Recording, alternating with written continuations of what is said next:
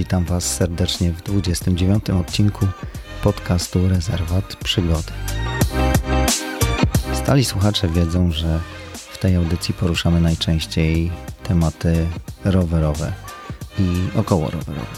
Jednak nie tyle z naciskiem na aspekt taki stricte sportowy, co bardziej zwracając uwagę na e, walory korzystania z wolności, którą daje rower, czy dbania o kondycję fizyczną. Rozmawiamy też o szeroko pojętym dobrostanie, który daje nam właśnie rower. Dziś będzie o połączeniu jeżdżenia na rowerze z codziennym życiem, ale nie zabraknie także niesamowitych historii z tras ultramaratonów.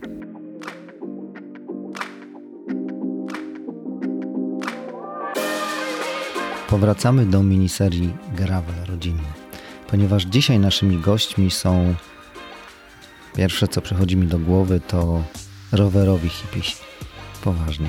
Kiedy poznałem Martę i Michała po raz pierwszy kilka lat temu i miałem okazję przyjrzeć się im przez kilka dni, takie skojarzenie zakotwiczyło się właśnie w moim umyśle. Potrafią cieszyć się drogą, nie skupiając się zbytnio na aspektach technicznych bardziej interesują ich piękne widoki niż na przykład szerokość opon czy ilość rzędów w napędzie. Po prostu jeżdżą na rowerze. Jeżdżą dużo na rowerze i robią to z uśmiechem na twarzach, niezależnie od pogody.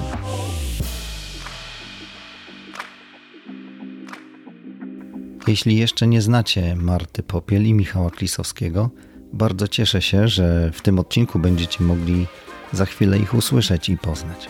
Jeśli już e, spotkaliście ich na trasie któregoś z ultramaratonów, wiecie, że przyjemnie jest przybywać w ich towarzystwie.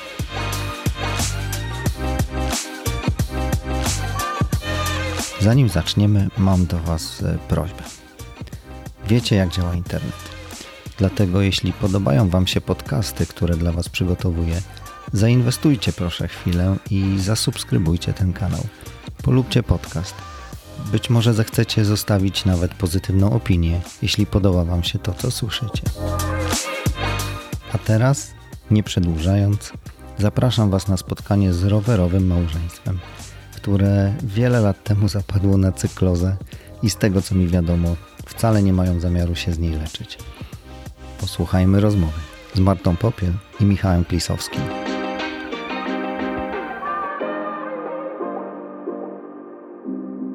Absolutnie cieszę się, że możemy znowu się spotkać, chociaż widzieliśmy się niedawno, ale możemy usiąść i porozmawiać na ciekawe tematy, a mam tu zapisaną całą listę takich tematów y, i pytań, które chciałbym Wam zadać, bo jesteście niezwykle ciekawymi ludźmi dla mnie i myślę już dla wielu osób, które Was znają. Czym jest dla Was rower? No, rower to jest świat. Nie wiem, coś więcej można na ten temat powiedzieć. W każdym wydaniu i w każdym sposobie. No i na pewno w wydaniu Carpathia Divide rower jest cudowny. Środkiem transportu, sposobem na spędzanie wolnego czasu. E, no i frajdą dużą. A już w takim wydaniu właśnie jak Carpathia, ja w tym roku nie jechałem, ale w tamtym, to już taką ekstremalną frajdą. No czyli świat. No tak. Powiedzcie, jakie były początki? Kto kogo nakręcił? Bo z tego co wiem, to chyba Michał jeździł kiedyś więcej niż Marta. No zdecydowanie więcej. Tak, trudno powiedzieć jak, jak z nakręcaniem. No, czy no, tak, no na pewno porównaniu do tego, jak teraz, ile teraz jeździmy, to wcale nie jeździłem tak dużo, natomiast no, Marta prawie nie jeździła. Miała jakiś tam rower, ale tam jeździłem dużo więcej na pewno, jeśli chodzi o jakieś tam wyprawy wakacyjne takie. Ale tak no w pewnym momencie się zrobiło tak, że to Marta zaczęła więcej jeździć i to chyba było dokładnie w okresie pandemii, jak ja przestałem w ogóle cokolwiek robić, siedziałem tylko przy komputerze i na tym, a, a nagle się okazało potem, że, że już nie jestem w stanie dogonić Marty na rowerze w żaden sposób. No, no i zaczęła siedzieć ona, z powrotem. Ona w tym czasie, ona w tym czasie zaczęła mocno do, do właśnie, no ja, ja, ponieważ no, ja nie, nie musiałem dojeżdżać do pracy w ogóle, e, a Marta codziennie jednak i to e, tak jak normalnie ma 7 km do pracy, no to siedzieliśmy dużo u moich rodziców na wsi, skąd miała 30 km do pracy, 30 parę, no i nagle się okazało, że nie jestem w stanie w ogóle jej dogonić już na rowerze, bo ona, ja nic nie jeżdżę, ona non-stop jeździ. Nie, ja jeżdżę tylko do pracy. No tak. No ale co, a propos porządków, to ważne jest to, że no, Misiek jeszcze zanim nawet dzieci mieliśmy, to miał taką swoją coroczną tradycję, że sobie pierwszy raz tam się zaczęło kiedyś tam, no że jednak wsiadał na rower i yy, no, robiłeś sobie takiego tripa, nie? Czyli gdzieś tam ze wschodu Polski na zachód, czy z północy na południe. No i to były takie pierwsze twoje bikepackingowe wtedy jeszcze sakwiarskie wyprawy, nie? Zawsze było sam i wracał taki właśnie, to, ja to pamiętam to uczucie, że on taki wracał odmieniony. Tak jakby właśnie jakąś medytację poważną przeszedł, wychodzony jako rzeszek i taki odmieniony, wyciszony, szczęśliwy. No i tak kontynuował to rok po roku aż nam się dzieci urodziły.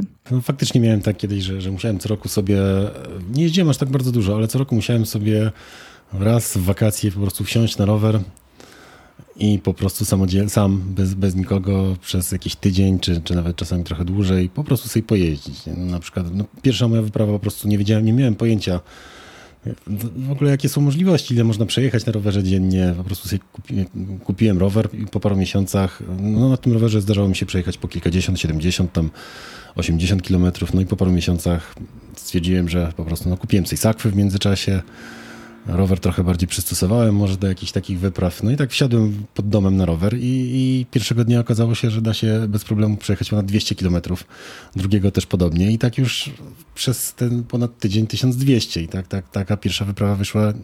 Jak ruszałem spod domu nie miałem pojęcia, czy mi się uda zrobić 500 km, 400 czy, czy ile przez ten tydzień. No i tak potem już co roku sobie faktycznie próbowałem tak w ten sposób gdzieś gdzieś pojechać. No ale też na, na, za którymś razem jednak było tak, że udało mi się Martę też namówić. Tak, ale nie, to już były, były już, nie, nie, już, były myślałem, dzieci, już były dzieci, tylko akurat mhm. jedno dziecko jeszcze wtedy i, i, udało się ją wtedy zostawić z dziadkami i, i na tydzień udało się gdzieś tam razem wybrać. Jeździcie z dziećmi. Jak sami mówicie, po urodzeniu się waszych córek ta intensywność jeżdżenia na rowerze wzrosła, nie zmalała. Jak robicie to, że wasze dziewczyny chcą jeździć, one same z siebie wsiadają na rower, czy stosujecie jakieś środki przymusu bezpośredniego? Nie stosujemy żadnych środków przymusu, ale też nie można powiedzieć, żeby to było ich e, no, wolna wola. Zdecydowanie nie mają ochoty teraz jeździć i e, mają taki okres buntu i im się nie chce, ale z drugiej strony, no, co roku, odkąd się urodziły, jeździmy z nimi na tripy rowerowe, jakieś tam dalsze i bliższe i nie pytają się nigdy, czy jedziemy, tylko gdzie jedziemy, więc no jest to jakaś forma przymusu pewnie, ale jednak z nami jeżdżą i, i myślę, że no jakoś to tam doceniają, jak nie teraz, to potem, no że po prostu wszystko już potrafią, wiedzą jak się rozbić, gdzie się rozbić, jak sobie na biwaku poradzić, jak wytrzymać jakąś trasę dłuższą. No takie już mają pewne życiowe doświadczenie.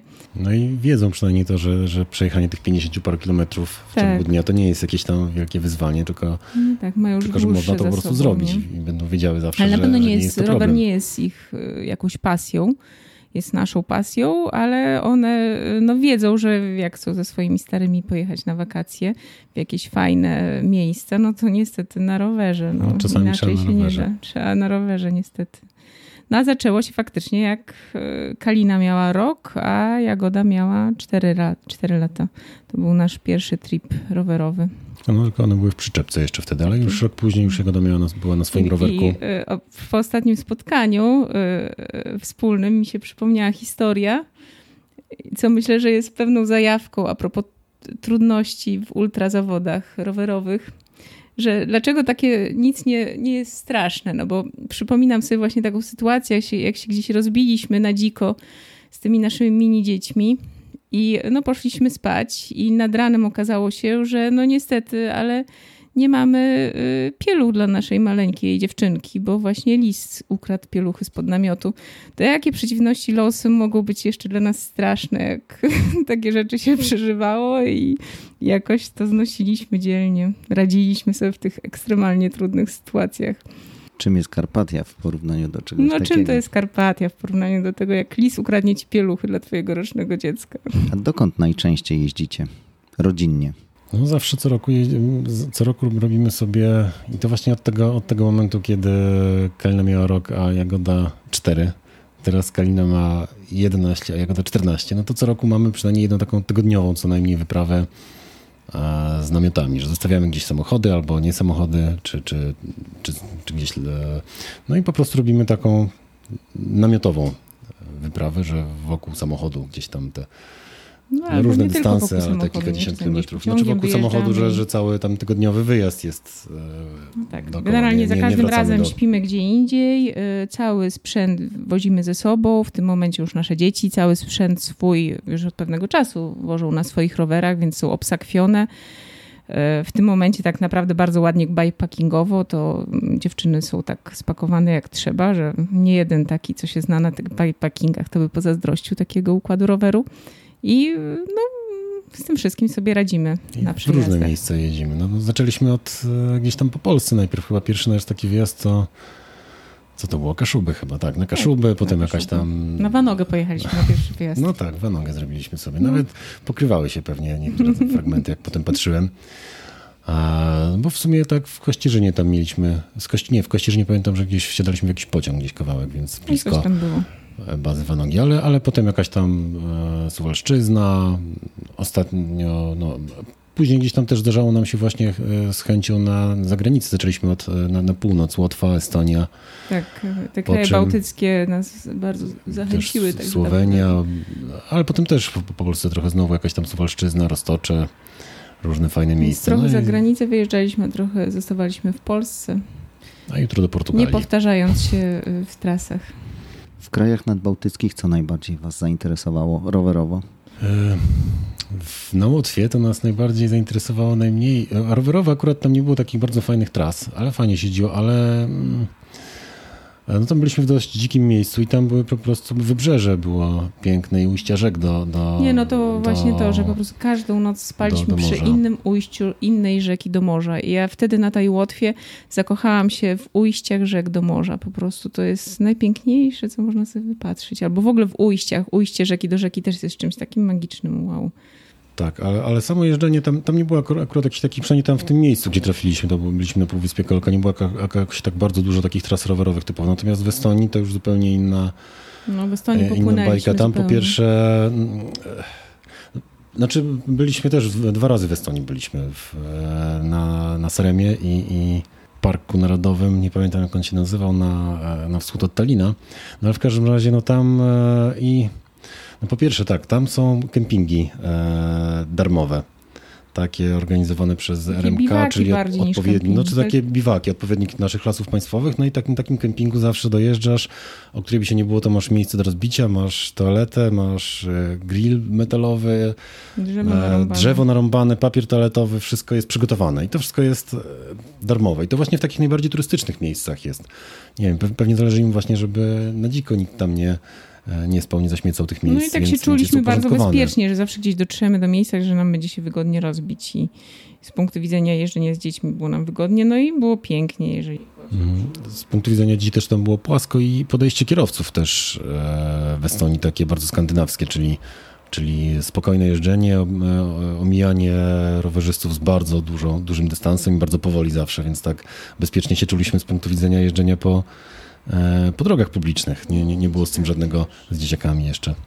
Czy to, mówimy o Estonii, czy to miejsce jest dla Was pod kątem zachowania kierowców najbezpieczniejsze z tych, w których byliście? Możliwe, Chyba tak. możliwe. A drugi, druga skrajność, jaka by była? Nie wiem, nie byliśmy w jakichś strasznie niebezpiecznych miejscach pod tym kątem. Jak oceniacie Bo- kierowców w Polsce? Źle. Coraz lepiej. Nie, no to ja dużo jeździłem w latach 90. jeszcze na rowerze, tak jako, zresztą no, od zawsze, od, od chyba, nie wiem, od kiedy miałem tam te 13-14 lat, no to poruszałem się normalnie po mieście na rowerze i no wiadomo, są różni kierowcy, różne zachowania, ale to jest według mnie kolosalna zmiana na, na dobre w porównaniu do tego, jak to wyglądało e, w latach 90. na przykład, czy, czy, czy nawet 80. No to bez porównania. Muszę przyznać, tak na marginesie zupełnie, pojeździłem kilka dni po lubelskich i podlubelskich drogach i moje wrażenie jest e, bardzo pozytywne w porównaniu do Kaszub chociażby. Lubelscy kierowcy są bardzo przyjaźni dla rowerzystów na drodze. Nie sądziłem, już nie pamiętam, że tak było, pochodzę stąd w końcu, ale chyba też jak jeździłem w latach 90. to było inaczej, tak jak mówi Michał. Wróćmy do waszego spania pod gołym niebem. To jest ciekawy wątek, bo odkąd was znam, proponuję wam, jak przyjeżdżacie gdzieś na zawody, które organizuję, żebyście przespali się to tu, to tam, e, ale pod dachem. I wy za każdym razem odmawiacie noclegu pod dachem. Uwielbiacie spać na łonie natury. Z czego to wynika? Ja osobiście po prostu się najbardziej, najbardziej wysypiam, jak jestem pod chmurką.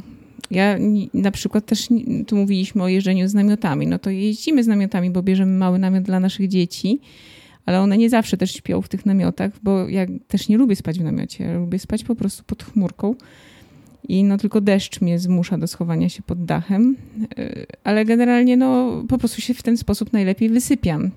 I y, y, też co zawsze tak próbuję przekonać niedowiarków albo nieprzekonanych, to że no po prostu to wydłuża doznania, bo no gdzieś jesteśmy w ciągu dnia, gdzie jest pięknie, gdzie tam no mamy jakiś wysiłek fizyczny, kontakt z naturą, a y, spanie na dworze wydłuża ten kontakt z naturą do 24 godzin, więc powiedzmy, że wyjeżdżamy gdzieś na dwa dni, no to tak jakbyśmy pojechali na cztery dni, nie? I no to jest takie podwójne doznanie. No też y, w zimie mniej jeździmy na rowerze, bo wtedy jeździmy na nartach, na skiturach, ale w zimie też śpimy zawsze na dworze i pod chmurką. No trzeba się tylko dobrze do tego przygotować, czyli mieć odpowiedni sprzęt do tego, ale doznania są takie same dobre i my naprawdę nie katujemy się i nie marzniemy i nie, nie robimy sobie krzywdy, tylko robimy sobie właśnie przyjemność. A propos sprzętu, e, na grupach na Facebooku chociażby jest wiele takich wątków i dużo dyskusji na temat sprzętu do bikepackingu, jaki setup, e, jaki zestaw trzeba używać, jak spać, jak nie spać, jak się przygotować. Mm, jak wy śpicie? Opowiedzcie o swoim takim typowym zestawie do spania pod gołym niebem.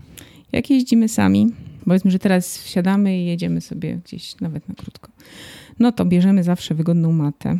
Używamy mat takich czterosezonowych i tak jak kiedyś mieliśmy oddzielne maty na zimę, oddzielne e, na lato, cieńsze, no to już tak nie robimy. Po prostu mamy lekkie zimowe i dzięki temu nam się wygodniej śpi na tych matach. No są po zwinięciu bardzo niewielkie i e, zajmują bardzo mało miejsca. No i bierzemy śpiwory, których mamy kilka e, na każdego, w zależności od pory roku. Mamy takie ultra cienkie na lato i e, no, ultra grube na zimę i, i po drodze też jakieś jeszcze.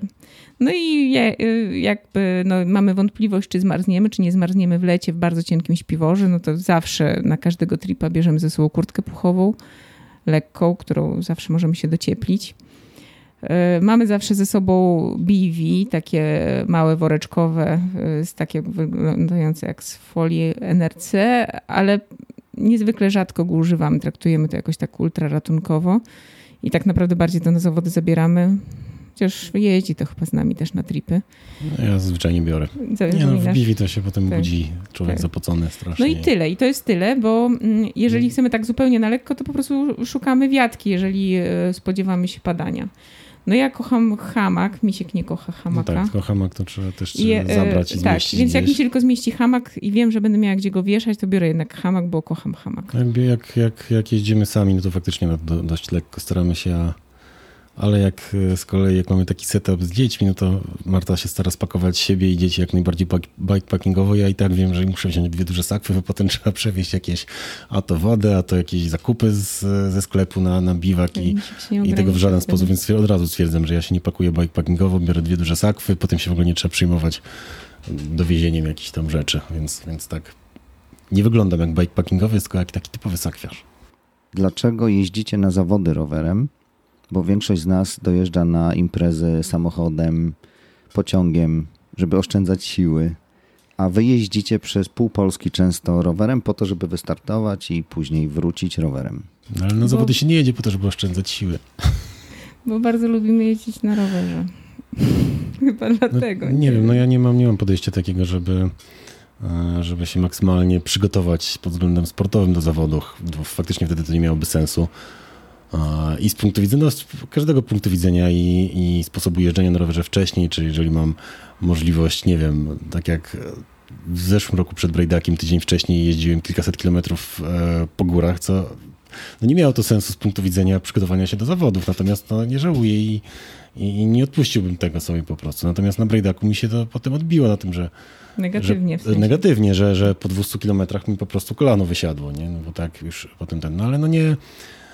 No, sama droga na, na, na zawody jest fajna, same zawody są Znaczy, fajne, no, powrót droga, zawodów droga jest na fajny. zawody no jest naszym się... tripem, a zawody to już są takie trochę zawody i powrót z tych zawodów to też jest trip, przecież nie trzymamy Wycieczka. tempa e, wyścigowego na tym dojeździe. No i czasami się mniej albo bardziej zmęczymy, ale generalnie no, sprawia nam to po prostu radość, że już się ten trip nam zaczął wcześniej niż same zawody. I no tylko jak czas pozwala, no bo oczywiście to nie jest tak do, prawda, do końca prawda, że na każde zawody jedziemy rowerem, bo nie zawsze mamy ten czas. Ale jak tylko mamy czas, to faktycznie jeździmy na rowerze. No tak, ale to się jakby wpisuje w to, że wszędzie, gdzie się da, to Jeździmy jest na jakby pierwszy rowerze, nasz tak. wybór. Jeżeli gdzie, gdzie chce, gdzieś chcemy pojechać, no to pierwszy wybór to jest zawsze rower. Jak się dopiero jak się nie da rowerem, to, to kombinujemy jak inaczej. Zwłaszcza jak nawet jedziemy tak w 200-300 km z dziećmi, to też zazwyczaj jedno z nas Jedzie rowerze. samochodem, a jedno na rowerze, a drugie wraca pewnie. No Zazwyczaj. tak, No tak się się, żeby dzielimy. było uczciwie w tych względach. Więc, więc zawody się tutaj nie różnią po prostu od tego, Od jak, jak w ogóle się na co dzień poruszamy. Marta, wspomniałaś o czasie. Jeśli tylko jest czas i możliwość, jedziecie na zawody rowerem. A jak organizujecie swój czas? Bo pracujecie przecież, żeby tyle jeździć. No na przykład jeździmy do pracy na rowerze I z powrotem. i z powrotem. Jak tylko jest czas, yy, no to jadę bardziej dookoła do pracy na rowerze. No jak jest tylko sposobność, to gdzieś jedziemy na rowerze, bo jedziemy na wakacje, no to jedno z nas jedzie na rowerze, a drugie na przykład autem jedzie z dziećmi. Albo no po prostu jak jest tylko okazja, to jeździmy na rowerze. Też jeździmy na rowerze i tyle. No, po prostu wszędzie się. Nie, znaczy, Nie rozważamy tego nigdy absolutnie pod kątem jakiegoś treningu. Myślę, że to moment, żeby powiedzieć o tym, że my po prostu naprawdę nie trenujemy jeżdżenia na rowerze w ogóle. Tylko tak jeździmy. Ja naprawdę możecie się mnie spytać, ale ja nie mam zielonego pojęcia, na czym polega trening rowerowy. Nie mam kompletnie pojęcia. Kompletnie nie mam pojęcia. W zeszłym roku nie mieliście strawy. Z waszego wyniku na strawie byłby dumny nie jeden kolarz, który aspiruje do czołówki, jeśli chodzi o objętość treningową, czego nie, ma u wiadomo. ciebie. Nie wiadomo, bo nie wiadomo, bo nikt tego nie liczy. Nic się nie zmieniło. Nie macie strawy. Czy w ogóle jakoś notujecie swoje przejazdy? Jesteście w stanie określić rząd wielkości kilometrów, Ja które nie mam zielonego pojęcia, a Misiek jest Ja skrupulatny. jestem w stanie, bo ja mniej więcej sobie tak, oczywiście zazwyczaj z dużym opóźnieniem sobie gdzieś tam z Garmina spisuję te moje dystanse, ale jednak tak staram się jednak spisać zanim mi Garmin już nadpisze te, więc, więc mniej więcej wiem, że tam, ja, ja, ja wiem, że przejeżdżam te kilka, od paru lat kilkanaście tysięcy kilometrów rocznie, e, a jak wiem ile Marta jeździ w porównaniu do mnie, to myślę, że podobnie po prostu. Ja nie Trudno- mam zielonego trudno to- pojęcia, bo na co dzień nie używam Garmina. Trudno to ocenić, bo trochę licznika. inaczej. Marta ma trochę więcej, Marta regularnie i więcej jeździ do pracy, ale to są krótkie dystanse, a no, w wakacje podobnie chyba jeździmy, i, czy jakieś wyprawy, nie wiem, no trudno tak policzyć do końca, ale myślę, że to są podobnego rzędu dystanse. I Nie czujesz, Marta, takiej potrzeby, żeby wiedzieć. Myślę, że mogłoby to mnie odstręczyć od jeżdżenia na rowerze. Startujecie w wielu zawodach, ultramaratonach w ciągu roku. Jak wspomnieliśmy wcześniej, wygrałaś właśnie Carpathia Divide 2023. Czy ty w ogóle lubisz się ścigać? Trochę chyba tak. Trochę. Nie, no jaram się, jak mi dobrze idzie.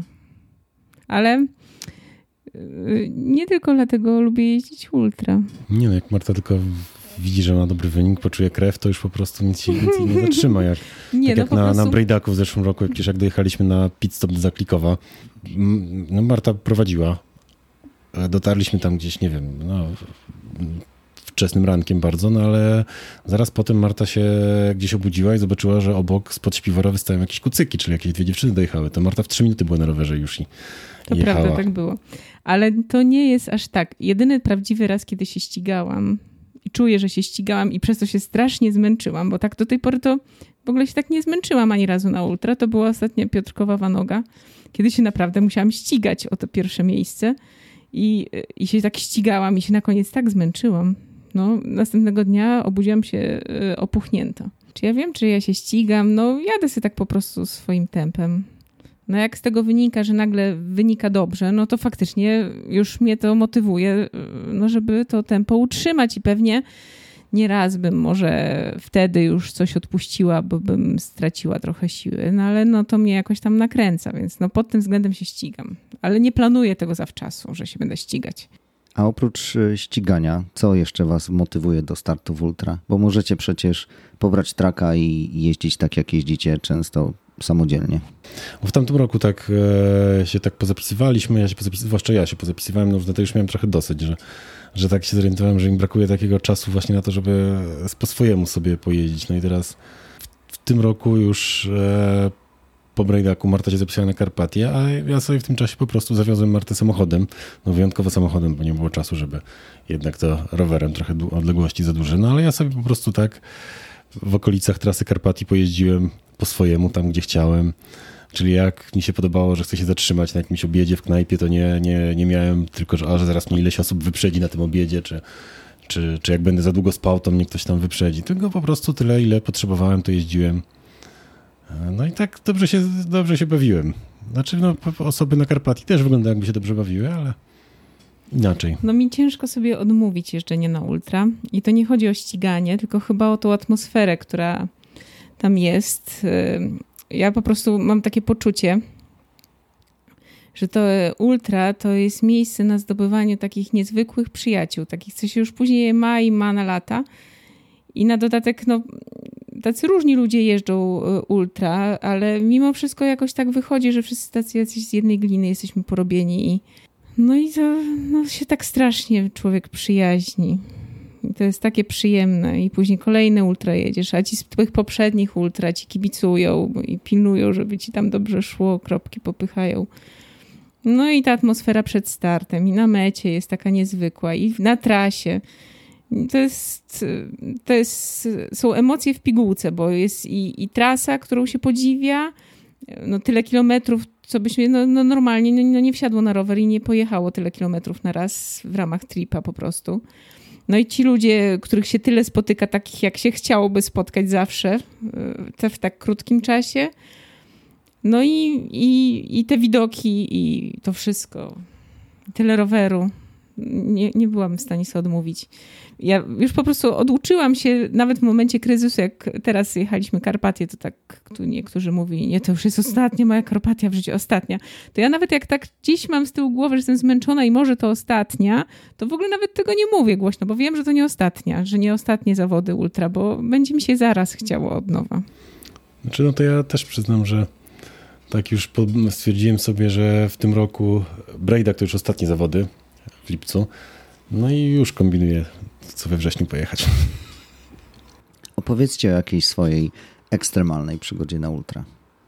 Czyli co mi się zepsuło?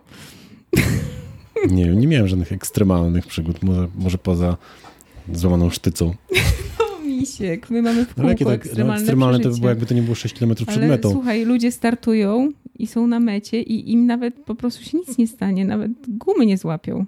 A nam się na każdych zawodach Nuda. coś dzieje. Nuda. No właśnie, jedziesz, jedziesz, jedziesz, dojeżdżasz. Nie złamiesz sztycy podsiodłowej, nie urwiesz haka, nie zmielisz napędu. A czy to nie było tak, że na poprzedniej Karpatii właśnie urwałaś hak? No, urwałam hak, zmieniłam napęd. Żeby, zjeżdżaliśmy, żeby tylko hak. zjeżdżaliśmy do Przełęczy Knurowskiej już w Gorcach. I to było nocą. Ja e, stwierdziłam, że to w ogóle nie jest problem, że my dojedziemy na ten turbacz, bo mamy taką historię w życiu, że my zawsze na ten turbacz w środku nocy albo nad ranem docieramy, czy to na, na rowerze, czy na skiturach i to jest normalne i na pewno, na pewno dotrzemy w ten sposób. E, no ale to był błąd wtedy i faktycznie na takim zmęczeniu, jakimś roz, rozkojarzenie i na zjeździe do tej przełęczy knurowskiej e, no, coś tam się nagle wydarzyło, że, że pogięła mi się, e, pogięły mi się zębatki w kasecie i urwał mi się hak i zmieliło zupełnie wszystko. Zadzierzgnął mi się łańcuch między kasetą a kołem i w ogóle nic się nie dało zrobić. Rower stał się niejezdny. To już nawet nie to, że się po prostu nie dało nim pedałować, tylko po prostu nie dało się nim kręcić kołem.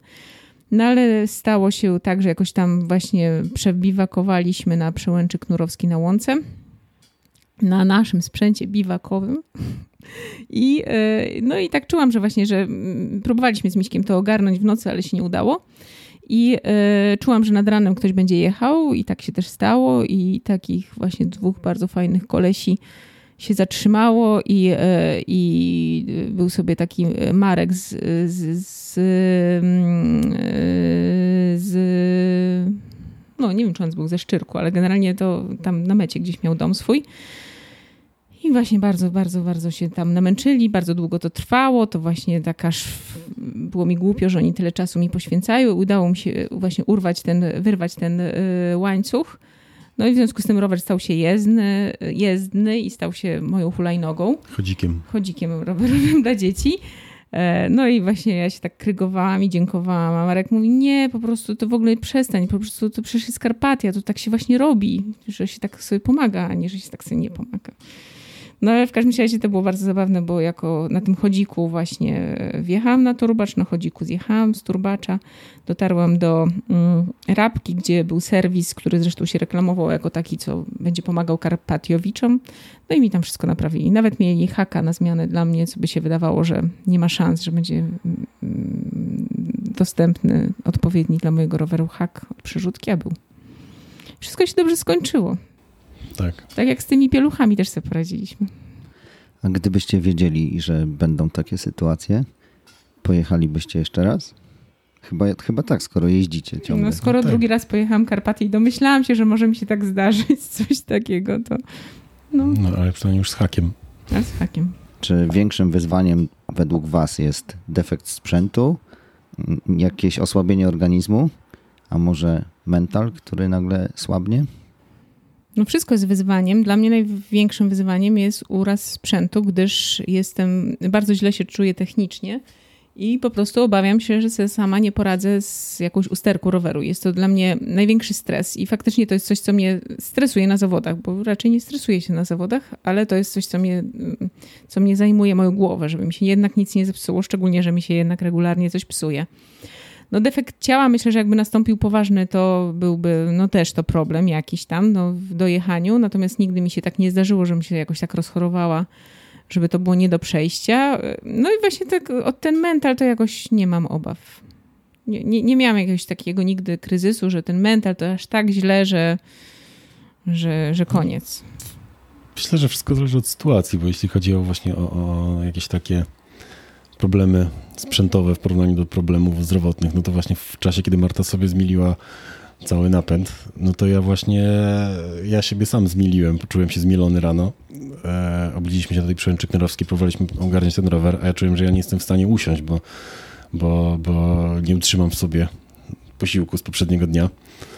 E, no więc było tak, że Marta ogarniała przez cały dzień e, na, na chodziku, musiała wejść na turbacz i zjechać do Rabki, a ja się wczłapałem jakimś cudem na turbacz i spędziłem tam cały dzień na leżaczku. I tylko marzyłem o tym, żeby na turbaczu zjeść reszcie rosół, którego niestety, jedyna rzecz, którą, o której myślałem, że jestem w stanie w siebie wepchnąć i jedyna rzecz, której w menu nie było akurat tego, tego dnia, więc tylko spędziłem na leżaku. No i potem e, następnego, Marta pojechała, Mar Marcie się wcześniej to udało ogarnąć, ale spotkaliśmy się na wieczór w rezultacie w tym samym schronisku. Tylko no, w którym, tobie, no, ale dojechało później. Czyli mi się dojechało dużo wyszło, później. jednak defekt ciała jest gorszy niż defekt tak, roweru. Tak, no ale w każdym razie, jak już następnego dnia jechaliśmy, no to oboje byliśmy w raczej świetnym humorze. Mimo, że ja byłem po jednym całym dniu nie, nie jedzenia praktycznie. Marta miała właśnie też niby naprawiony rower, ale tak, przerzutka, przerzutka na 10 biegów, kaseta 9-biegowa. Wszystko tam chodziło jak tak e, byle jak, no ale jechaliśmy, byliśmy w stanie jechać i, i, jakby czuliśmy, że no już dojedziemy raczej do tej mety, bo już... Bo jak mówią, że y, przygoda to jest katastrofa, co się dobrze kończy. No tak jak tutaj, no to jak się nie cieszyć taką przygodą wtedy. A skoro jesteśmy przy tematach sprzętowych, opowiedzcie o rowerach, na których jeździcie. No, ja jeżdżę na dwóch rowerach. Większość ultra jeżdżę na moim gravelu, który tak naprawdę jest rowerem przełajowym marki Cannondale. No nie jest to jakiś taki bardzo wyrafinowany rower. I bardzo dobrze na nim mi się jeździ. Niezależnie od układu, doboru opon e, i różnych takich szczegółów, na których się mało wyznaje.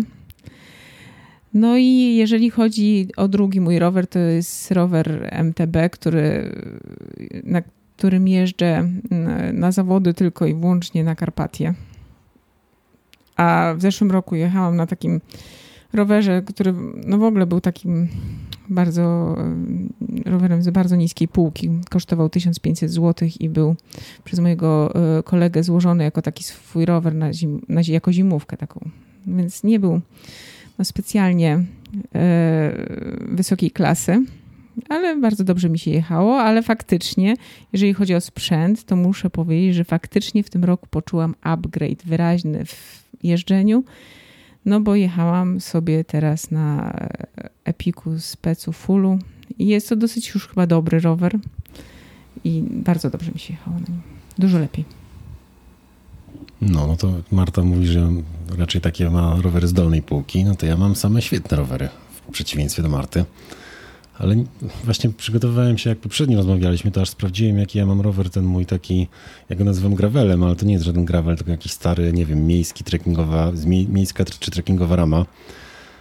Ale teraz nie mam tego roweru przy sobie i niestety nie byłem w stanie sprawdzić, jak on się nazywa, bo nie mam kompletnie pojęcia, jakiej to marki jest rower. Ma jakieś dwie literki na ramie, gdzie je znalazłem.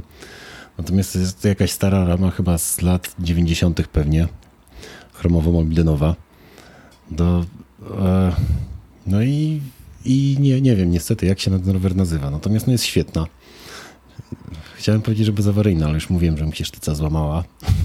To w sumie rama to, bezawaryjna. No rama bezawaryjna, tak, nie, ale że rower no bezawaryjny. I raz no raz, no, no, tak, ale to raczej te moje, znaczy nie no, sztyca jak sztyca, no to ta sztyca była pewnie w wieku jak roweru, ale no to, no ja jeżdżę na sprzęcie takim, a, no, V-brejki, support na kwadrat, e, klasyczne stery, więc no. Na objazd Brejdaka I... przyjechałeś na Peugeotie. Tak, na jeszcze innym. No bo mój rower teraz pojechał już busem do, na naszego tripa do Portugalii, na którego jutro lecimy samolotami, więc nie mogłem go wziąć. No i musiałem swoją starą szosę. Też jeżdżę, też jakaś, też nie wiem, myślę, że też z lat 90. rama. Manetki na ramię. Manetki na ramię. No i musiałem, próbowałem jak najgrubsze jakieś opony w niego włożyć. Udało mi się 32, ale na styk. Jak się zrobiło błoto i ten, to się tam upychało strasznie i ten. Ale, ale się spokojnie trasy Braidaka da na czymś takim e, przejechać. Myślę, no. że większość. Z klasą. Tak, no to te, te, te rowery, no to tak jak Marta ma rowery z niskiej półki, to ja moich nie uważam za rowery z niskiej półki, bo są świetnie się na nich jeździ. One mają wartość retro już. No nie wiem, ja nie, nie wiem jaką mają wartość.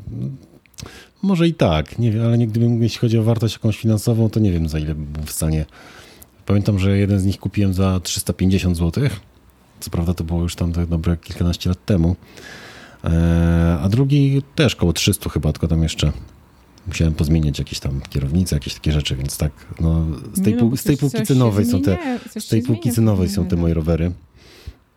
No Karpatii na żadnym z nich akurat nie pojechałem, więc, ale też taki rower z, no, 2013 chyba jakiś hardtail Cuba. No ale to jak na, jak, jak na moje rowery to już jest taki super nowoczesny i jak dla mnie. Porozmawialiśmy o sprzęcie, a powiedzcie pogoda. Czy ma dla was znaczenie, kiedy startujecie, kiedy jeździcie w ogóle na rowerze? No, lubimy jak jest słońce, jak pada deszcz, jak są chmury, jak pada śnieg, jak wieje wiatr, wszystko lubimy. Ma dla nas duże znaczenie pogoda. Tak, ale, ale no nie jest zazwyczaj problemem jakimś większym. Nie, no bo to nie jest problem, pogoda. to przyjemność. No na pewno na... nie jest powodem, żeby, ża- żeby nie praktycznie jechać. żadna pogoda nie jest powodem, żeby gdzieś nie jechać. Nie mamy takich powodów, z powodu pogody nie mamy powodów, żeby nie jechać. Zdrowo się odżywiacie na co dzień, a zawartość waszych toreb jest już znana wielu osobom. Startowaliście już w tylu imprezach, że większość z nas wie, że wozicie swoje jajka, ziemniaki, oliwę z oliwek, sól, pieprz. Jak odżywiacie się podczas zawodów ultra? Właśnie w ten sposób, czy kupujecie coś e, na trasie? No na start zawsze sobie szykujemy jakieś żarcie, ale często ono nie wystarcza na całą trasę. Nie, nie sposób się jakby zasakwić na cały czasami dystans, chociaż na krótsze zawody to może i wystarczy, nawet być może, że dowożę coś do mety. E, no na Karpatii to mi na pewno nie wystarczyło, zdążyłoby się to wszystko zepsuć, ale faktycznie jest tak, że nawet jeżeli się startujemy zawsze z czymś takim, co dobrze nam wchodzi do jedzenia i co jest zdrowe. Czyli co? Czyli na przykład właśnie te ziemniaki, to jest bardzo super baton ziemniaczany, bo e, one jak sobie ugotuje się, jak się wystudzą, to mają te węglowodany swoje jakieś tam prawdopodobnie bardzo dobrze dostępne, no i łatwo się je je.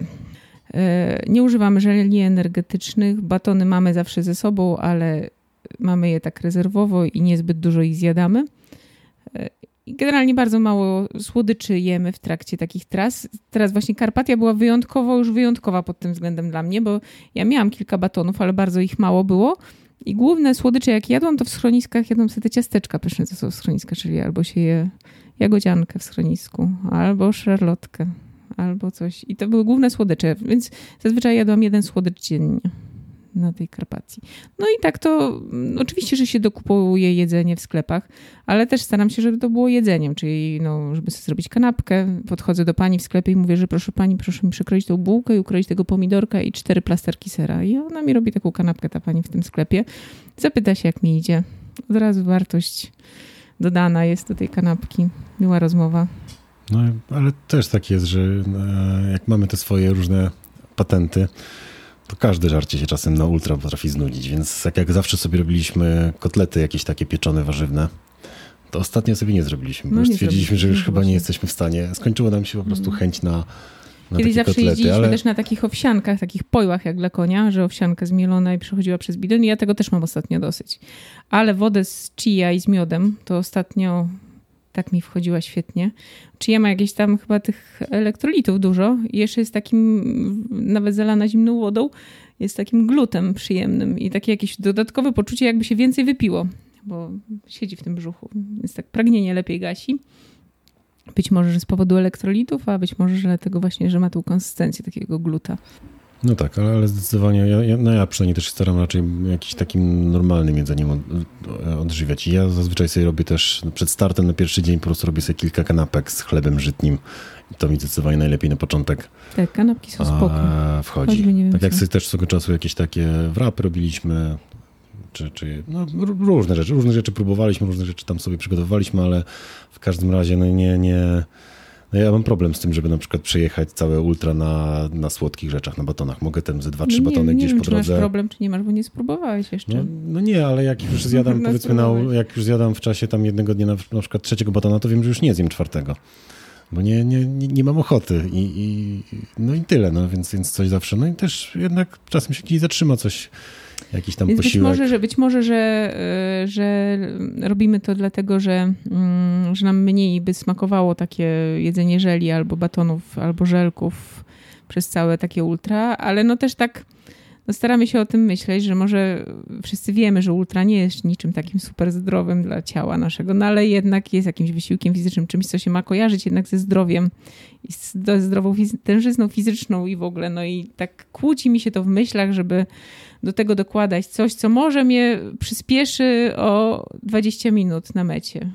No tak, a, a A zjedzenie takiego 20 syfu, batonów tak, w czasie które generalnie nie, skończy nie się jest tym, czym no, że przyjemnym. jednak się, no będę mniej zdrowa, no będę bardziej chora. Na pewno przecież ludzie No, przyjeżdżają na żołądek metę tego- i jęczą z powodu bolących brzuchów, które no musiały oberwać te kichy, nie? Po, po tych Tak, żelach sztucznych i No, batonach a już, sztucznych. no, zwłaszcza na Karpaty. Na Karpaty jednak się normalnie dojeżdżało na, do schroniska i jakieś żarcie w Tak, schronisku. O, co, co na Karpatii było- polecam wszystkim, to jest, y, albo w ogóle, no też na innych ultra też się czasami zdarza.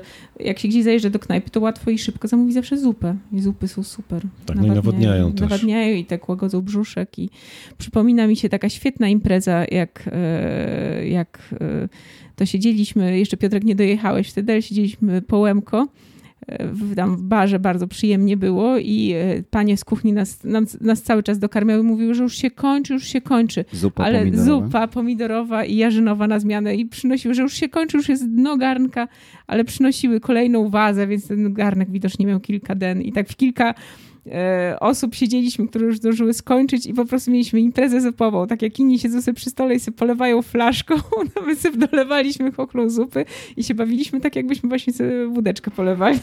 No tak, ja na proziaku w ten sposób chyba pół garnka forszmaków jadłem. Byłem ostatnią osobą, która dojechała Zupy tego dnia. są, zupy są No uważam mieli- najlepsze na ultra. Tak, mieli forszmak, który już na następny dzień miałby być już, nie wiem, no wylany czy coś, więc powiedzmy, no jak zjadłem, pytam się, czy jeszcze można jedno.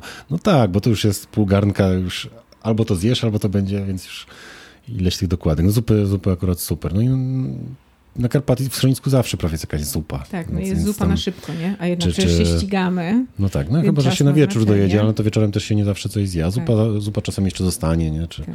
czy tak jak dojechaliśmy do, do, do, do Jaworzyny Krynickiej o drugiej w nocy, gdzie właściciele imprezowali, kolega, który dojechał wcześniej, mówi, że nie ma nic do jedzenia, a o drugiej w nocy była właśnie ugotowana zupa, zupa na, na, następny dzień. Więc, Więc mogliśmy zjeść zupę na, zupę na jutro. Nie?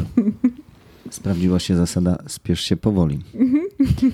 Porozmawialiśmy sobie o sprzęcie, o odżywianiu. Teraz porozmawiamy trochę o formie, bo raczej trzeba przyznać, że dobra forma pomaga w tym, żeby cieszyć się tymi widokami, trasą, tymi atrakcjami e, po drodze. Nie zawsze ta forma jest. Co radzilibyście osobom, które nie są w szczycie formy? Jak przygotować się do tego, czy do już kolejnego sezonu? No, chyba nie jesteśmy ekspertami w dziedzinie przygotowywania się z formą, ale. Wydaje mi się, znaczy ja, ale... jest, jest jedna rzecz, y, która chyba nam się sprawdza. Bo y, co jest ważne, to, to y, jak już o tym z Piotrkiem tutaj dyskutowaliśmy nieraz, no my nie używamy rolki ani żadnych takich ułatwień tego typu do treningów. Trenażera masz Trenażera, no tam nie, tak, tak. No po prostu jeździmy zimą, całą zimę jeździmy na rowerze. I to i, i do wydaje... pracy, ale też jakieś takie I trochę dłuższe też, też jeździmy, nie? Zimą. Dystanse. I wydaje mi się, że to jest coś, co bardzo przygotowuje do sezonu, bo pomijając fakt, że technicznie się jedzie, jeździ trudniej zimą, czyli jakieś potencjalne techniczne później trudności na trasie no są jakby przećwiczone wcześniej na trudnym, mroźnym błocie pośniegowym, lodzie i innych takich trudniejszych śniegu, nie? innych takich trudniejszych miejscach.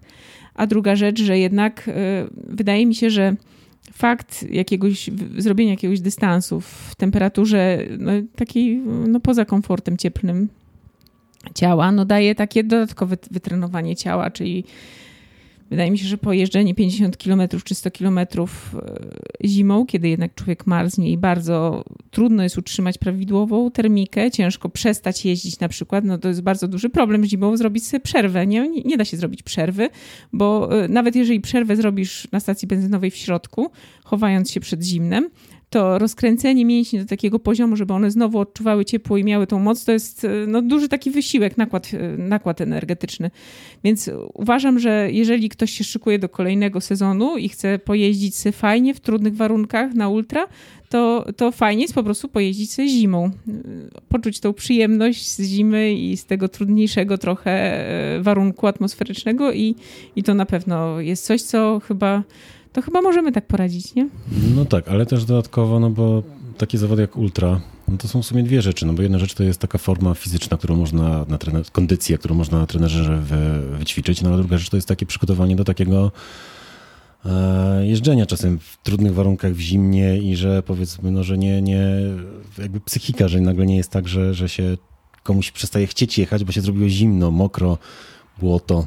Wanoga tegoroczna pokazała pazurki nie? W nocy było y, no minus 4 chyba Garminy czasami pokazywały, więc było mm, czerwiec, już taki mm, początek lata i wydawałoby się, że no, y, no co, to, co to komu straszne. No ale była taka temperatura zimowa, co myślę, że nie jednego, kto nie jeździ zimą, no po prostu no, przekroczyła jego tam yy, możliwości, nie? Adaptacyjne, nie? Podobnie wygląda chyba kwestia jazdy nocą. Do tego też warto przyzwyczaić się wcześniej, jeżdżąc nocą? Jeżdżąc w listopadzie. Mój najgorszy miesiąc do jeżdżenia, a jeździ, jeszcze nie ma wtedy śniegu, więc nie jeździmy na nartach i dalej jeździmy dużo na rowerach. I w listopadzie i w grudniu jest no, ta noc najdłuższa, znaczy dzień najkrótszy, w związku z tym ta noc zapada bardzo szybko. Na jakiegoś dłuższego, uczciwego tripa no, nie da się zrobić w godzinach świetlnych i wtedy się bardzo długo jedzie nocą nocą, w sensie, że po zmroku. Ja e, po tripach jesiennych, tych późno jesiennych jestem bardzo zmęczona zawsze. Czuję, że to jest, e, że to tak wychodzi poza moją strefę komfortu właśnie ze względu na e, krótki dzień świetlny. No ale to tak, że wiadomo, że żeby na ultra jeździć nocą, to trzeba na co dzień jeździć nocą. Więc, więc po prostu no, wiedzieć, czego się, znaczy przede wszystkim no to wiedzieć, co się potem mieć oświetlenie przygotowane, wiedzieć, co się widzi, tak? Bo na ultra wiadomo, że się potem człowiek ściga i żeby nie, E, ale też niektórzy się śmieją, że w nocy się lepiej jedzie, bo się nie widzi przeszkód. Warto spróbować na przykład, czy lampka działa w trybie ładowania z powerbanku, bo na przykład. było już kilka takich sytuacji, kiedy ktoś zakładał, że działa, a okazywało się o No, drugiej w nocy, że nie rzadko działa. Czyli żeby jeździć, trzeba jeździć i jeździć w różnych warunkach, o różnej porze dnia, roku i przy różnej pogodzie, wtedy mniej rzeczy nas Zaskakuje. zaskakuje. No i No generalnie tak, i- i- wtedy się zdąży to polubić, bo jeżeli się tak nie lubi i się strasznie tak cierpi z powodu tego, że się jedzie w nocy, że się jedzie przy niskiej temperaturze, że się jedzie w deszczu, no to jeżeli to jest takie cierpienie, no to Znaczy, no bo no wiadomo, że na, na zawodach na ultra No dochodzi to, że nie. się człowiek ściga i to wszystko nie... E, nie ma się czasu, żeby tak sobie spróbować, żeby tak się cieszyć tym aż tak. Ten, a, a jak się to już ma wyjeździło w takich warunkach, to się nie, nie, nie zwraca uwagi na pewne przeciwności, one przestają być przeciwnościami, więc, no więc tak, jakby- naprawdę A i się nie, czerpie się z nie- tego przyjemność Nie bardziej. krygujemy się, tu nie popisujemy się, naprawdę nam nie przeszkadza jazda w deszczu. Mm, To jest tak, jakby nie padało. I tak w pewnym momencie się jest mokrym po prostu i póki jedziesz, to zazwyczaj jest ci ciepło. No po prostu jest to jakimś kolejnym, kolejną zmienną akurat tym razem atmosferyczną i jak wiele innych. A propos pogody, mówi się, że nie ma złej pogody, tylko jest nieodpowiedni ubiór. Wy swoje ubrania kupujecie z drugiej ręki. No raczej Większość, tak. co się większość, da. zasadnicza większość. Czy to wynika z waszej filozofii? Czy z Wszystkiego oszczędności? i filozofii i oszczędności. Nie, no nie to, że zawsze wszystko z drugiej ręki. Czasami coś kupimy nowego, tak? Ale, ale Ale, Ale jak generalnie można, zaczy- jak zaczynamy, można- Od, zaczynamy od szukania sobie rzeczy z drugiej ręki i no jednak trochę z filozofii też, no, że, że, że jednak fajnie jest e, tam mniej trochę zaśmiecać tą planetę i jak już komuś się coś nie przydaje, to to, to niech się przyda nam. to niech się nam przyda. Ja jestem dziewczyną i y, jest mi w tym bardzo łatwo, bo niestety ubolewam, ale mało dziewczyn jeździ na rowerze stosunkowo do chłopaków. W związku z tym dużo dziewczyn no, kupuje sobie ciuchy rowerowe, dostaje ciuchy rowerowe, po czym je szybko Zbywa. zbywa, bo nie jeżdżą dziewczyny, myślę. I to jest, no, na pewno ten rynek wtórny ciuchów rowerowych dla dziewczyn jest większy niż dla chłopaków. No tak, jak facet kupi spodenki, to już Tak. dopóki nie prześwitują we wszystkie strony, nie mają tysiąca dziur, to, to w nich jeździ. Więc, więc już. który? Więc, no, no tak. Opowiedz o swojej inspiracji do podróżowania i wychodzenia ze strefy komfortu. Wydaje mi się, że y, moją, mo, źródłem tego wszystkiego we mnie są moje geny, które odziedziczyłam po tacie. Mój tata y, przez całe życie miał potrzebę wychodzenia na zewnątrz i wychodzenia poza swoją strefę komfortu. Przez całe życie jeździł bardzo dużo na nartach i dużo żeglował i tak naprawdę jego żeglowanie y, się zintensyfikowało jak poszedł na emeryturę. Teraz ma lat 85 i dalej żegluje intensywnie. Teraz go właśnie na przykład nie ma, bo dalej gdzieś tam sobie żegluje. No i, i tak myślę, że nigdy mnie do niczego nie zmuszał. Tak jak ja swoich dzieci nie zmuszam. Ale miałam poczucie powinności, że to nie wypada ojcu odmówić i nie pójść z nim na narty i nie pożeglować gdzieś z nim co pewnie wtedy nie było moją pasją, a, ale no właśnie takim poczuciem, że jak stary, jak to Pawłowski młody mówi, stary mi kazał, no to jak, jak to inaczej. Jak e, byłam małą dziewczynką i małe dziewczynki często zakładały sobie, teraz może też tak jest, zakładały sobie takie pamiętniczki i każdy mógł się wpisać do tego pamiętniczka, to e, mój tata też go poprosiłam, żeby mi wpisał jakąś dedykację do pamiętniczka. Tata mój, który pięknie zawsze rysował, to wy- wyfasonował mi takiego żeglowca i napisał, że navigare necesse est, vivare non est necesse, co oznacza, że żeglować trzeba koniecznie, a żyć niekoniecznie. I oczywiście no to jakoś tam nawiązuje do żeglowania, ale y, no myślę, że y, no nie wiem, czy o takie ekstrema chodzi, ale bez tych wszystkich jakichś silnych i mocnych doznań wynikających z jeżdżenia ultra, z jeżdżenia właśnie w trudnym terenie, w trudnych warunkach, e, bez tych doznań no nie byłabym pełna i sobą i byłabym osobą po prostu nieszczęśliwą. No i to z czegoś musiało kiedyś wyniknąć. Nie wiem, czy dedykacja tak mi się wyryła w mózgu, czy te geny jednak, czy... Michał, a jak wygląda geneza zainteresowania wysiłkiem na dworze u ciebie? No u mnie akurat trochę inaczej. U mnie akurat ojciec nigdy nie, nie żeglował, na nartach nie jeździł. Zdecydowanie najważniejszym takim jego wpływem to było chodzenie po górach, no bo był takim zaangażowanym turystą. E, wyciągał zresztą, e, uczył w szkole i wyciągał uczniów do, na, na, w góry bardzo często. No i oczywiście mnie i moją siostrę też zabierał w góry. Ale gdzieś od czasu do czasu zdarzało mu się, że wychodziliśmy na rower. On teraz nie pamięta niektórych z tych wypraw, które ja, ja, zapamiętałem bardzo dobrze, jak na przykład to, że gdzieś w podstawówce nagle stwierdził, że pojedziemy, no mieszkamy w Lublinie, a on pochodzi z Hełma i że nagle pojedziemy sobie do Hełma na rowerze. Czy jakieś wyprawy gdzieś takie nie za dalekie, ale tak jakoś dziwo mam czasami wrażenie, że bardziej właśnie te wyprawy rowerowe mnie ja je zapamiętuję dobrze i tak jakoś wpłynęły bardzo na mnie, że ja potem miałem jakąś taką chęć e, takich wypraw, rowerowych. Natomiast e, no to z jednej strony jest taka inspiracja, że on mnie zainspirował do tego jeżdżenia na rowerze trochę, a teraz jest trochę odwrotna e, sytuacja, bo teraz jest tak, że to ja go zainspirowałem i wyszło tak, że a może, może od początku trochę powiem, bo tak Zaczęło się od tego, że nasza córka dostała nowy rower i stwierdziła, że musi przejechać 100 km na tym rowerze. E, no i udało jej się, więc jak dziadek zobaczył, że wnuczka przejechała 100 km, to stwierdził, że on nie wie, czy kiedyś tyle przejechał, więc chyba też by chciał. E, no i zaczął sobie powolutku jeździć na tym rowerze w zimie. 1 stycznia wybrał się na od, od, początku roku, czyli tak systematycznie. Tak? 1 stycznia wyjechał na wycieczkę, przejechał 80 kilometrów. Następnego dnia znowu i tak już regularnie zaczął jeździć, jeździć, jeździć. Po czym ja sobie zażartowałem trochę w sumie, że to może w breakdaku wystartuj, tym krótkim chociaż. No i tak jak stwierdziłem, że myślałem, że on od razu powie, że nie, nie, no wiadomo, za stary jestem i tak dalej, to nic nie powiedział, ale potem regularnie do mnie wydzwaniał i dopytywał się o różne rzeczy, a to sprzętowe, a to a propos jak to się śpi na takich zawodach. No i ostatecznie zapisał się na breakdaka, przejechał e, krótkiego breakdaka. No i tak, więc, więc no tak myślę, że teraz w drugą stronę ta inspiracja zadziałała, że Historia zatacza koło i teraz młode pokolenie inspiruje starsze pokolenie. No tak. Jakie są wasze najbliższe plany rowerowe? Najbliższe plany rowerowe zaczynają się jutro. Tak, lecimy do Portugalii. Do Z dziećmi do Lizbony i stamtąd będziemy. Startuje nasz jedenasty e, trip rowerowo-dziecięco-rowerowy. Wyliczyłam to ostatnio, że to jest jedenasty. Tak. I najdalszy. Najdalszy na razie, jeżeli chodzi o destynację. No i już taki upragniony kilka lat, że chcieliśmy do Portugalii gdzieś, tak, to Portugalia gdzieś tam się cały czas No i będziemy sobie jechać chodziło. wzdłuż wybrzeża oceanu do Farą. No i pewnie będzie strasznie nudno, nie? Będzie tak ładnie, ciepło.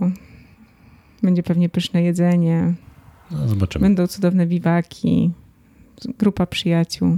Straszna nuda, nie? Wspominaliście o tym, że na ultra poznaje się ciekawych ludzi i pomaga wam Paweł Zaklikowa, który, którego tak. poznaliśmy na ultra tak, właśnie. Tak, opowiedzmy tą historię, to zabawne. Czwarta, na, czwarta nad ranem. Brejdak. No i jadę sobie tego brejdaka i faktycznie taki mam kryzys, że mi się spać chce, nie mam już troszkę siły. No i tak jadę coraz wolniej, wolniej, wolniej. Dojeżdża do mnie Paweł z Zaklikowa Paweł, czyli współorganizator pit stopów nie? E, organizuję go z mamą Martą i e, z tatą Wiesławem. I, e, no i jedziemy sobie, próbujemy złapać jakiś temat, żeby, żeby nie zasnąć. I opowiadamy sobie wszystko, co tam leci. Ja opowiadam między innymi, że jedziemy właśnie na tego tripa do Portugalii z dzieciakami. No taki przypał, bo ja sobie tak nie wyobrażam, że tyle rodzin, tyle tych, tych dzieci, tyle tych rowerów w tych pudełkach samolotem i że przydałby nam się ktoś, kto ma busa i kto ma trochę więcej czasu niż my. I z nami pojechał do tej Portugalii, nam rowery zawiózł. No i Paweł mówi, no to spoko, to ja pojadę. I już. I Paweł jest w drodze. I już pojechał. Ma nasze rowery. Z rowerami. Powiedzcie, czego mogę Wam życzyć na tą dalszą przyszłość, już jak wrócicie z Portugalii? No, żeby dalej nam się chciało na rowerze jeździć. Czego sobie Pan życzy, Panie Michale? No, dalszych udanych wypraw rowerowych i sukcesów sportowych. Sprawdę, ja nie mam jakichś większych sukcesów, ale. Pozostawiam Was z tymi życzeniami. Bardzo dziękuję za dzisiejszą rozmowę, za kolejne spotkanie i życzyłbym nam wszystkim, żebyśmy jak najczęściej spotykali się w takim gronie poznawali kolejne wspaniałe osoby. Mam nadzieję, że słuchacze zaczerpną z tej kopalni wiedzy, którą, czy doświadczenia bardziej też, e, którymi dzieliliście się w tym podcaście, w tej rozmowie. Bardzo dziękuję. Dzięki. Dzięki.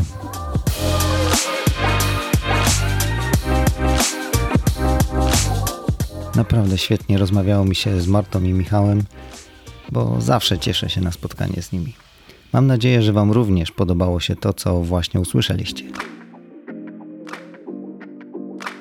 Zapraszam Was do odwiedzania blogu rezerwatprzygody.pl, gdzie oprócz wszystkich odcinków podcastu znajdziecie ciekawe artykuły i kalendarz raczej wszystkich imprez gravelowych w Polsce. Ten kalendarz aktualizuje na bieżąco, więc jeśli czegoś nie widzicie, a wiecie, że jest fajna impreza, dajcie znać. Na rezerwatowym kanale na YouTube możecie natomiast obejrzeć filmy, które dla Was przygotowuję. Zachęcam też do wizyty w sklepie rezerwatu, gdzie możecie zaopatrzyć się w elementy stroju rowerowego, rezerwatu właśnie i inne akcesoria. Dostępne są również pakiety na Vanogę i Braidaka, a już niedługo poznacie szczegóły trzeciej imprezy, którą zorganizuję dla Was w przyszłym sezonie 2024. Dziś bardzo dziękuję Wam za uwagę i już nie mogę doczekać się kolejnego spotkania z Wami. Trzymajcie się zdrowo. Do usłyszenia.